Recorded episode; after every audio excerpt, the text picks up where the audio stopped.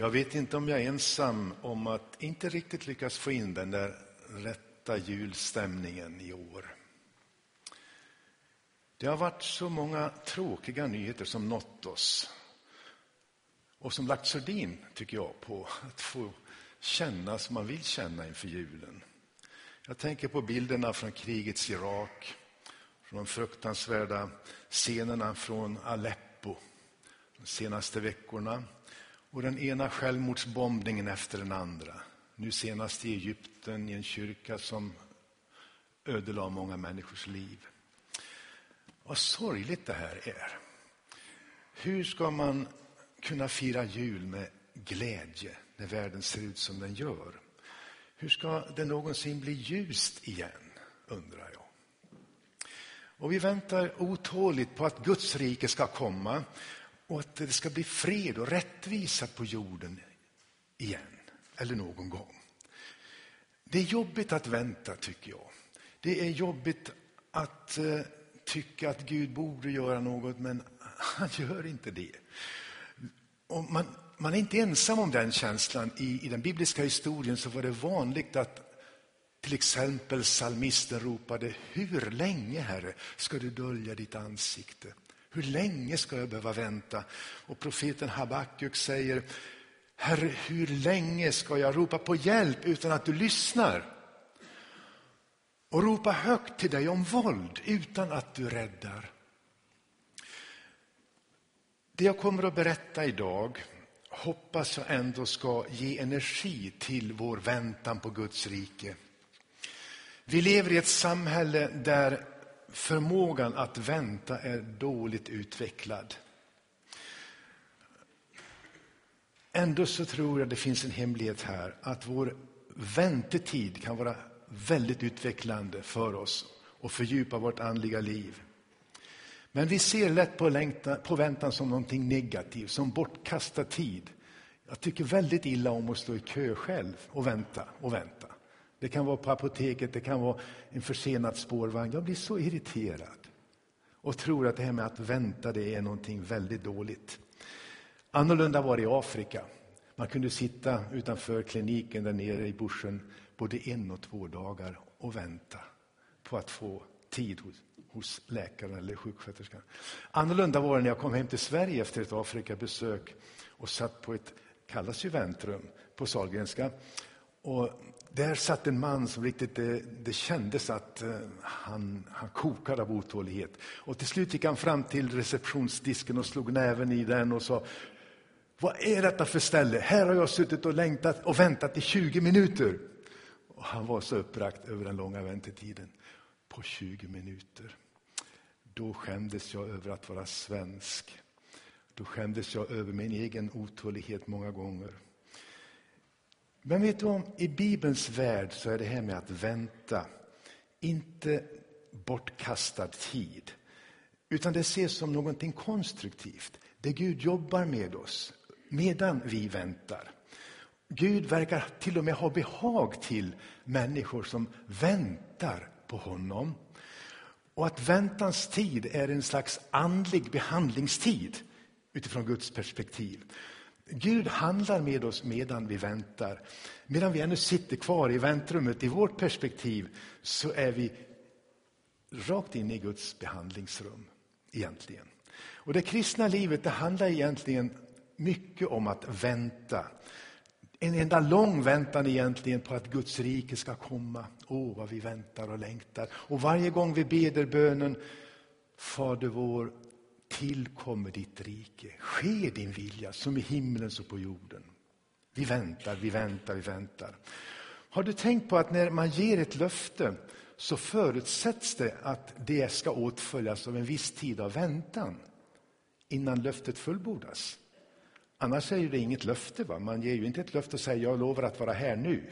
Men så fort du säger jag lovar att komma till klockan sex imorgon så, så återstår då att vänta den tiden, eller hur?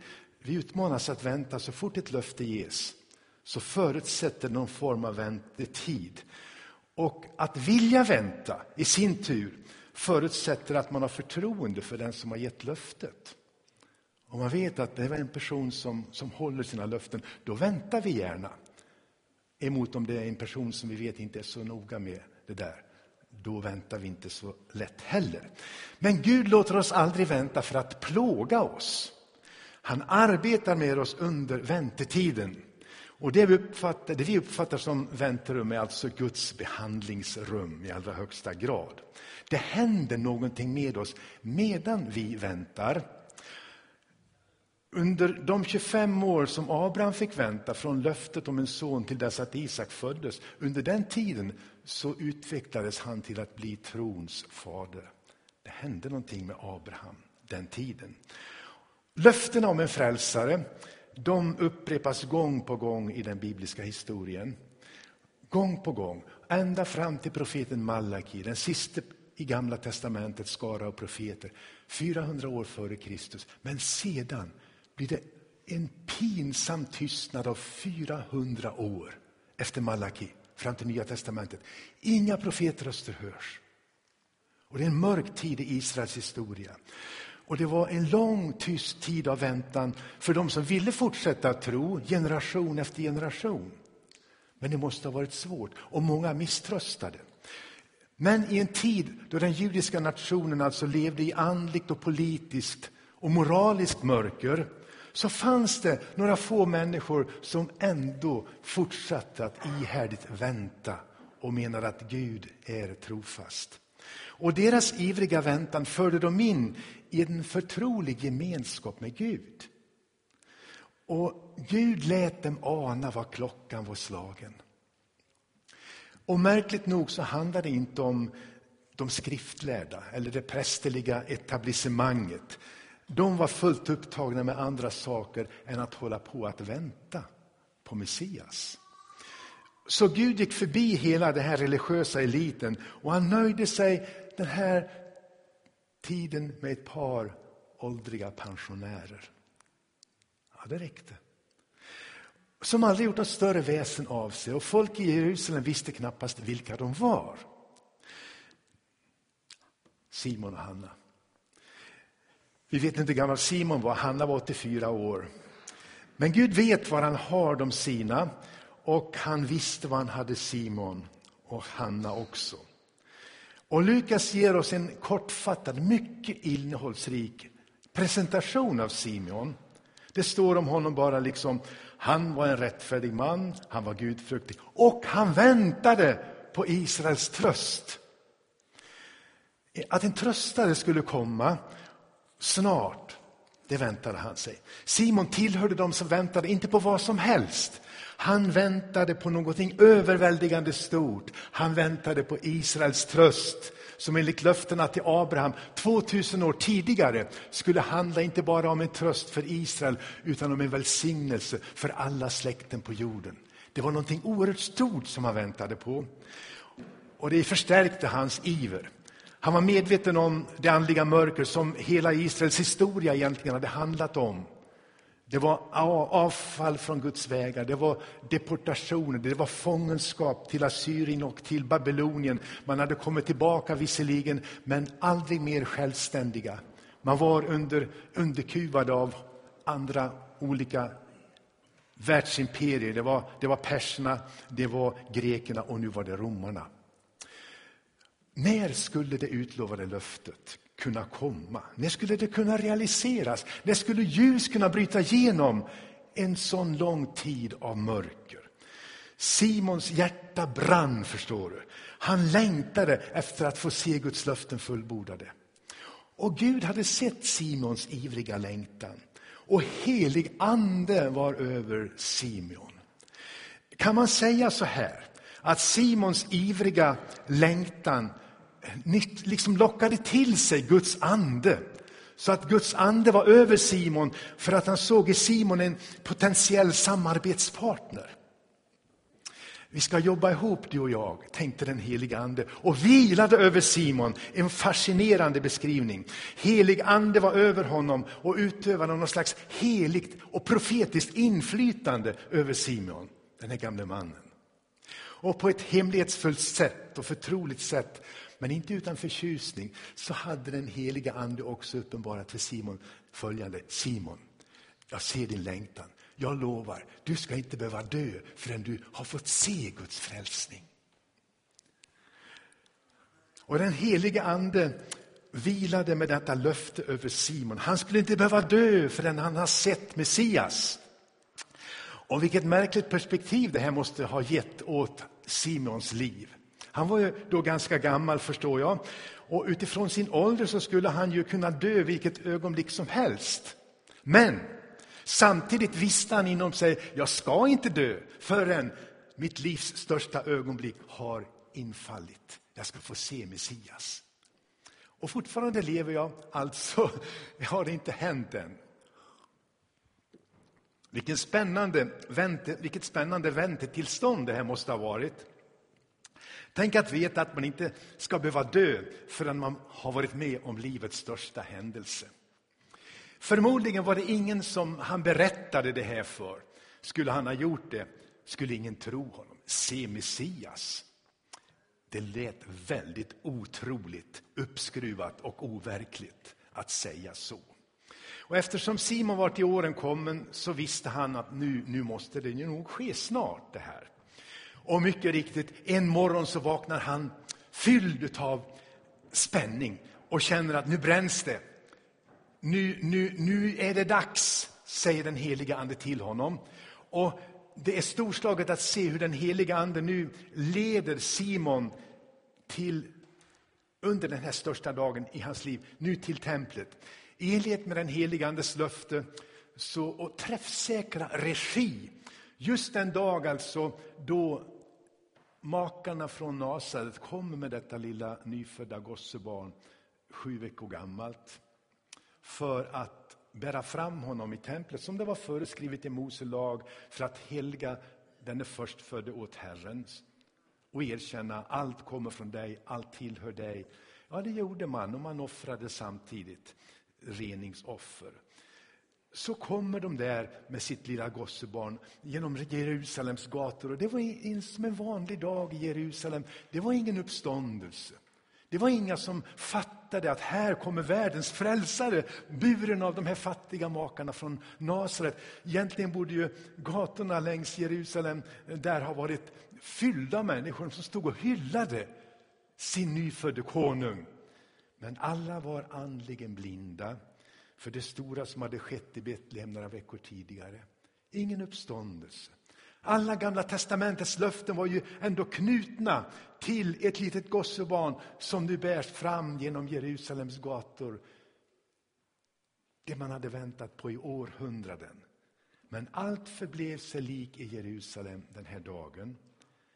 Men inte för Simon, inte för Simon. Den helige ande var på väg att arrangera frälsning, ett frälsningshistoriskt möte av högsta dignitet. Oh, vad gärna jag skulle väl haft ett, en bild av den här scenen. Det gällde att liksom få Simon på plats samtidigt som de här unga makarna kommer in på tempelområdet med Jesusbarnet. Och anden manade nu Simon att bege sig till templet. Och skyndsamt så hastar den gamle mannen genom Jerusalems gränder med ett hjärta som bultade allt intensivare av upphetsning och förväntan. Han visste ju inte vad som skulle ske. Alla som såg Simon såg att han gick med bestämda steg och kanske lite fortare än man vanligtvis brukade se honom. Så hade någon stoppat honom och frågat Simon, vart är du på väg och varför har du så bråttom? Och han hade svarat, jag är på väg för att se Israels tröst och världens frälsare så hade man förstås skakat på huvudet och, och känt medlidande med den gamle mannen. Inne på tempelområdet så var det säkert mycket folk som vanligt och många andra makar med sina barn. Simon ser sig omkring med vaksamma och granskande ögon. Vem kunde det vara? Vilka kan det gälla? Och plötsligt får han syn på paret från Nasaret och andens visshet uppfyller honom. Hans inre. Och anden liksom säger, de är det. Och han skyndar sig fram till det här paret och utan att presentera sig, verkar det som, så ber han att få hålla det lilla gossebarnet i sina händer. Och, och Uppenbarligen så är det någonting För det är klart att de här makarna, Josef och Maria, undrar vad är detta för främling som kommer? Vi känner honom inte alls och han ber att få hålla vårt barn. Men uppenbarligen var det någonting i, i Simons anletsdrag som ingav dem förtroende för mannen. Så, så Maria överlåter Jesusbarnet i hans händer och han ser förtjust på detta lilla barn. Och eh, jag anar att tårar av glädje fyller hans ögon den gamle mannens ögon. Han står med denna ljuvliga belöning för sina många år av väntan. Hela sitt liv har han väntat. Och med stor tacksamhet trycker han det lilla barnet till sitt eget bröst. Och Simon kunde alltså fysiskt känna Guds löftens fullbordan i sina egna armar. Är inte detta stort? Allt som profeterna talat om omsluts nu av ett par åldriga darrande händer. Vad svindlande stort detta är. Men också lite riskabelt tycker jag. Hur, hur, kunde Gud våga liksom att låta hela frälsningshistorien vila på en så skör tråd som ett litet nyfött gossebarn? Tänk om man hade tappat honom. Tänk om man har tappat Jesusbarnet på den hårda stenläggningen. Men plötsligt brister den gamle mannen ut profetiskt och höjer, förmodar jag, barnet upp emot Gud som han riktar sig till och lovar honom för detta stora ögonblick och säger Herre, nu kan du låta din tjänare få sluta sina dagar i frid. Så som du har lovat, ty mina ögon har sett din frälsning. Den som du har berättat skådas av alla folk, ett ljus som ska uppenbaras för hedningarna. Det är precis som att Simon säger, nu har jag ingenting mer att önska av livet. Jag är fullständigt tillfreds. Jag kan dö när som helst. Och Simon hade väntat färdigt och han överlåter nu åt Gud att avsluta hans liv när som helst. Han är beredd att dö. Han har sett Guds frälsning. Han har sett någonting mycket vackert. Han har sett Jesus. Och Simon överräcker tillbaka barnet i Marias armar. Och visserligen säger han att den är satt i fall eller upprättelse för många till ett tecken som ska bli motsagt. Och profetiskt förutsäger motståndet mot Jesus som skulle väckas och som räcker ända in i vår tid. Det skaver när man nämner Jesus. Det går att tala med människor om Gud möjligen. Men Jesus är en stötesten. Eller en klippa till frälsning. Som Simon sa för 2000 år sedan. Han hade väntat länge, Simon. Nu hade han väntat färdigt. Och det lyckliga ögonblicket som han upplevt där inne på tempelområdet överträffade alla hans vildaste förväntningar. Och det är så här ljuvligt det skulle bli.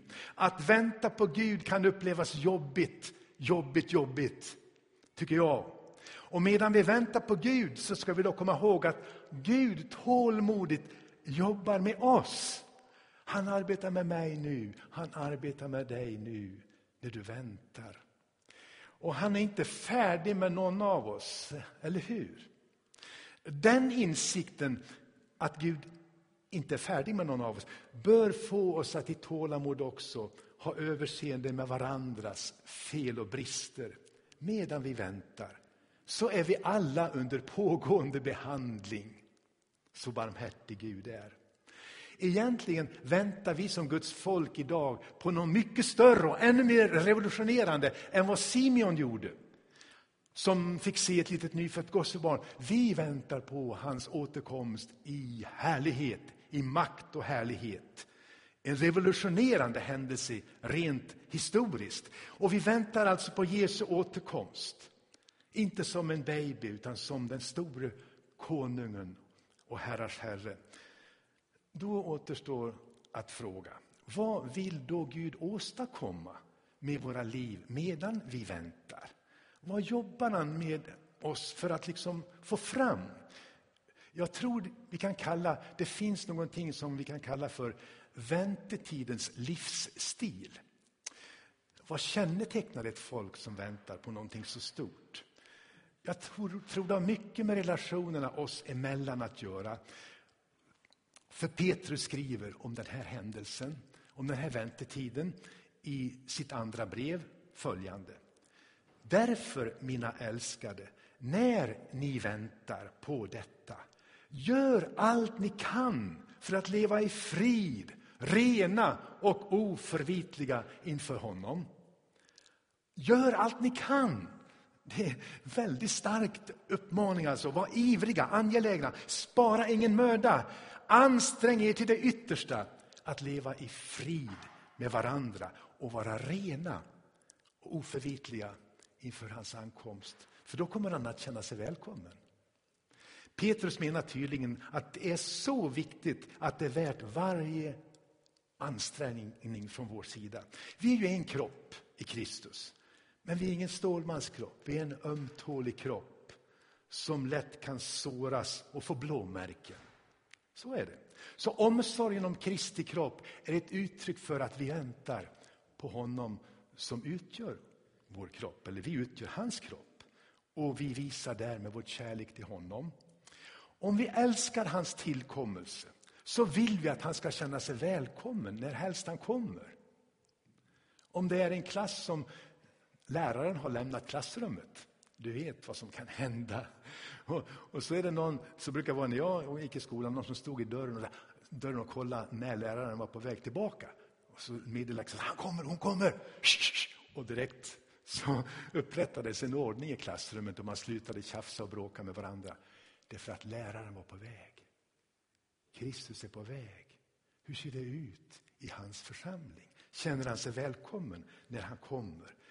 Petrus fortsätter i den elfte versen i tredje kapitlet. Då nu allt detta går mot sin upplösning, hur heligt och gudfruktigt ska ni då inte leva? Medan ni väntar på Guds dag och så står det, och påskyndar dess ankomst. Fascinerande. Då har du märke till att det står påskynda. Det verkar som att vi genom vårt sätt att leva kan liksom förkorta väntetiden. Rent historiskt. Och tänk om det är så här att, Gud egentligen, att det är egentligen Gud som väntar på oss, mer än vi som väntar på honom. Han väntar på att vi ska mogna för att stunden ska kunna realiseras och hans rike ska upprättas. Så om vi alltså älskar att Guds rike ska upprättas på jorden så vill vi leva rent. Vi vill ha ordning och frid i klassrummet så att säga, för snart kommer han och vi vill att han ska känna sig välkommen. Vi bereder vägen för honom på det sättet. Till sist, vad är det för kraft som ska få oss att åstadkomma det här? Vad är det Gud har för verktyg när han försöker motivera oss för det här höga ändamålet att vara redo för hans ankomst. Inte hotfulla ord, utan ingenting mindre än insikten om Guds gränslösa nåd. Att inse Guds gränslösa nåd mot mig, mot dig, mot oss får oss motiverade. Ja, Herre, vad som helst vill vi för att du ska känna dig välkommen när du kommer. Hjälp oss. Guds nåd är den främste läraren i helig livsstil. Guds nåd, står det i Titusbrevet, fostrar oss att säga nej till ogudaktighet och lär oss att leva anständigt och rättfärdigt och gudfruktigt. Det är inte lagen, det är inte en massa regler. Guds nåd, insikten om vad Gud har gjort med oss, befriar oss att vilja göra detta. Så står det, medan vi väntar på att vår Herre Jesus Kristus ska träda fram i härlighet. Nåden fostrar oss att bli lika honom som kommer. Så är det. Och han som kommer, som vi läste från Jesaja tidigare, är ju fridsfursten, fredsfursten. Och om vi väntar på honom så bör vi också kännetecknas av samma fred och frid som han kommer med och upprättar på jorden. Han är värd det. Och vi älskar honom och vi vill att han ska känna sig välkomnad också av oss. Låt oss bedja. Prisa ditt namn, Herre, att vi får tillbeda dig, liksom miljoner och åter miljoner människor gör utöver vår, värld, utöver vår värld dessa dagar. Tack för det lilla barnet som vi har tänkt på, som föddes som du blev en gång i Betlehem när du kom till oss. På lägsta tänkbara nivå, på stallnivå, inte kan skrämma någon utan kommer liksom underifrån och säger, vill ni ta emot mig? världens frälsare. Hjälp oss att bli förundrade som Simon en gång, att du kom på det sättet. Och så ber vi att, du ska, att vi ska kunna påskynda din tillkommelse genom att leva heligt och rättfärdigt och i harmoni med varandra. Förbarma dig över oss, Herre. Tack att du jobbar med oss just nu när vi sitter här. Du, du talar till någon människas hjärta, ja flera människors hjärtan just nu. Och du har gjort det under predikan genom din heliga Ande. Och vi tackar dig för att den heliga Ande inte bara är över oss, utan i oss och bor i din församling och uppfordrar oss till helighet. Herre, Herre väck oss, mana oss, tala till oss. I Jesu underbara namn. Vi längtar efter din tillkommelse. Hjälp oss att fortsätta och vänta på dig. Amen.